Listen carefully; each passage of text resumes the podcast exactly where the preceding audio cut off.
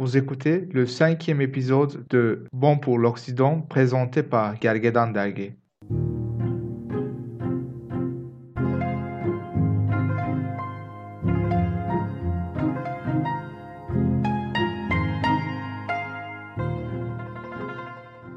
Aujourd'hui, nous parlons sur les tensions actuelles turco-grecques autour de la Méditerranée orientale et de la mer Égée avec Oğul Bonjour Oğul.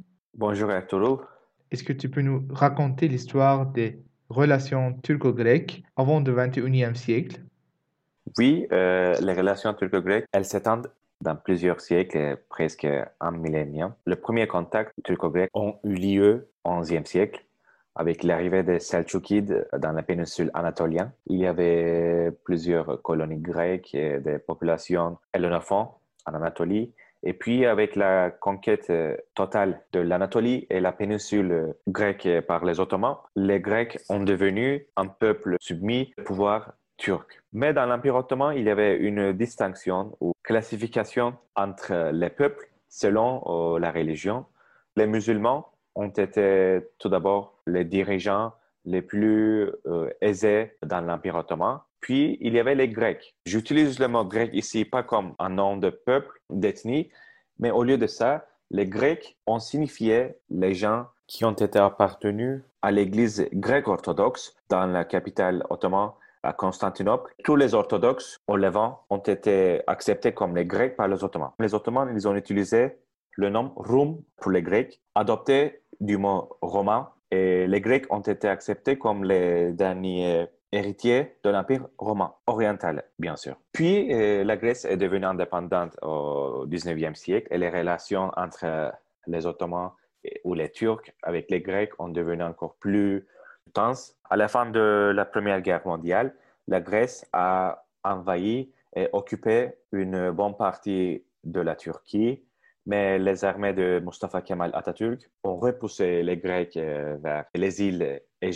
Ensuite, euh, pendant la période entre les guerres, le gouvernement de Kemal et bien sûr euh, de Venizelos ont eu des approches pacifistes et très amicales en face de dangers de Mussolini et de l'Italie dans la Méditerranée orientale. Mais bien sûr, les tensions ont commencé à augmenter à partir de 1950 et c'était lié surtout à la question de Chypre, parce que Chypre a été une île euh, dans l'Empire britannique. La population a été divisée en deux, comme les Grecs et les Turcs. Avec l'indépendance de Chypre, il y avait une fédération avec un président grec, avec un vice-président euh, turc. C'était principalement à cause nationalistes ou bien qui ont voulu une adhésion de l'île dans la République hélène. Il y avait des massacres entre les autochtones et bien sûr euh, les massacres visant la population turque a commencé à augmenter à partir des années 1970. Une opération intitulée Attila euh, par l'armée turque a été réalisée en 1974 et l'île a été officiellement divisée à partir de ce date. L'occupation, selon les Occidentaux, ou opération de sauvetage par l'armée turque a facilité de l'adhésion de la Grèce à l'Union européenne. Ensuite, euh, dans les années 90 à 2000, on a vu des projets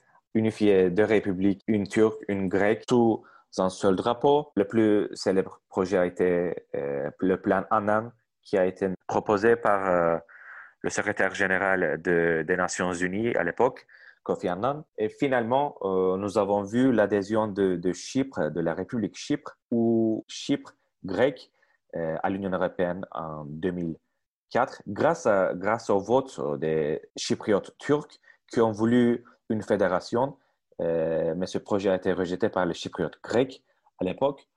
Et maintenant, nous avons une deuxième question liée à, la question de Chypre et c'est la question de la plateau continental. Et je pense que tu vas parler sur ça plutôt à Tourul. Voilà, la Turquie mène maintenant une euh, position plus agressive euh, contre la Grèce et le Chypre augmente les tensions entre deux pays.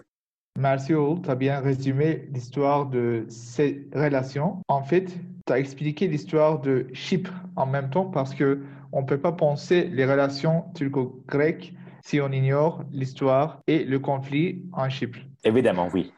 Et si on regarde à l'actualité, on peut résumer les problèmes entre la Turquie et la Grèce dans quatre points. Et le premier problème est les plateaux continentaux entre la Turquie et la Grèce. Ce sujet est régulé par la Convention de Montego Bay, donc la Convention des Nations Unies sur droit de mer, signée en 1982. Euh, et le deuxième problème est le désarmement des îles de la mer Égée de l'Est. Le traité de Lausanne, signé en 1924 après la guerre d'indépendance de la Turquie, prévoit que les îles de la mer Égée orientale qui sont appartiennent à la Grèce doivent être désarmées. Mais c'est un sujet très actuel entre la Turquie et la Grèce parce que la Turquie toujours accuse la Grèce d'armer ses îles. Et troisième point est la recherche et sauvetage. C'est un autre problème entre les deux pays, particulièrement dans les années 90, il y avait des discussions, il y avait des conflits autour de, des opérations de recherche et sauvetage dans cette zone controversée dans la mer Égée. Le quatrième problème est l'espace aérien sur la mer Égée. Ce problème constitue une potentielle de la guerre entre ces deux pays toujours. Mais à ce moment-là, il faut demander pourquoi ces problèmes sont assez chauds à nos jours. Parce que, comme tu as dit, il y a une grande histoire conflictuelle entre la Grèce et la Turquie, incluant le Chypre en Méditerranée orientale. Et il y a en plus un grand sujet qui s'appelle l'énergie. Les réserves pétrolières et gaz naturel sont découverts dans les années 2000 en Méditerranée orientale. Les Grecs chypriotes ont déclaré des zones économiques exclusives en suivant cette découverture et après des accords de délimitation de zones économiques exclusives et signés avec l'Égypte, le Liban et l'Israël. On peut dire que ces différents accords devenus une alliance entre le Chypre, la Grèce l'Égypte, l'Israël, sur les zones économiques exclusives dans cette mer. le Chypre a déclaré 13 zones de sondage en 2007 et donné la licence de sondage aux grandes entreprises globales, par exemple Exxon, Eni, une entreprise italienne, Total, entreprise française. D'autre part, la Turquie et la Chypriote turque ont donné la licence de recherche énergétique à Petroleum Turk en 2011 et les zones économiques controversées devenues un sujet de euh, conflit. Additionnellement, en 2010, les sources d'hydrocarbures ont été découvertes par les plateformes de recherche en euh, Méditerranée orientale et ce conflit devenu plus compliqué pour tous les pays, pour tous les côtés.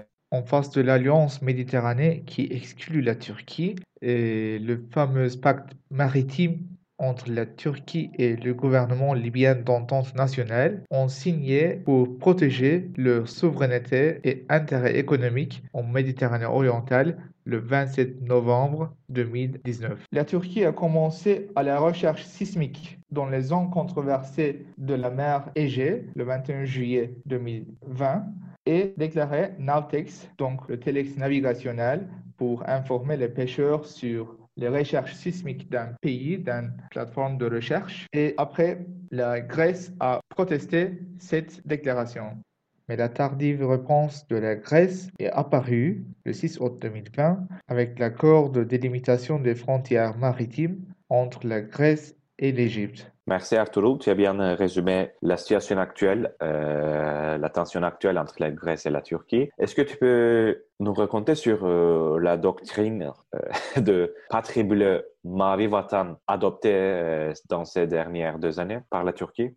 Bien sûr, tu as évoqué une très importante notion pour la politique étrangère turque depuis des années. La patrie bleue est une notion inventée par une amirale retirée, Cem Gürdenis, et une ancienne détenue des procès d'Ergenekon, donc une ancienne ennemie par la fenêtre du gouvernement. moi, je suis avec ceux qui pensent que la politique étrangère est liée directement avec la politique intérieure. Donc, on peut dire que le changement des alliés politiques à l'intérieur du gouvernement d'AKP est directement affecté la politique étrangère de la Turquie, aujourd'hui, nous voyons que la doctrine constituée par les acteurs nationalistes est devenue la politique étrangère de la Turquie. Ou bien, si vous voulez, la politique étrangère qui doit être changée après le coup d'État guleniste en 2016 a déterminé les nouveaux alliés d'Erdogan en politique intérieure. Voilà, le patrie bleu est une notion compréhensible pour tous les droits maritimes de la Turquie dans la Méditerranée et dans la mer Égée. Oui, euh, la patrie bleue est maintenant un des drapeau un des symboles euh, pour Erdogan et son alliance nationaliste en Turquie. Mais ce qui est très frappant et je pense que tragique pour la Turquie est ce que le pays est devenu dans ces dernières décennies, un pays isolé, seul. La Turquie a rompu toutes ses relations diplomatiques et politiques avec l'Israël euh, à partir euh, de l'année 2010, puis avec l'Égypte avec euh, le coup d'État par le général Al-Sisi. Euh, puis, nous avons le cas de Palestine, la question de Chypre, et voilà finalement euh, le conflit en Libye. La Turquie reste sans aucun allié, aucun supporter pour ses propos territoriaux, politiques. Et je pense que un des plus grands problèmes, c'est Erdogan et son gouvernement qui essayent de mener une diplomatie complexe et très contradictoire. Nous voyons la Turquie avec une alliance fragile avec la Russie en Syrie, mais on engage un conflit avec le même pays en Libye. Euh, je pense que euh, c'est déjà une politique insoutenable pour, le, pour Ankara. Ces dernières tensions avec la Grèce vont encore causer des problèmes pour Erdogan. Ça ne va pas devenir une guerre, une, un conflit euh, armé. Cependant, la Turquie restera seule, isolée dans la région de Méditerranée orientale.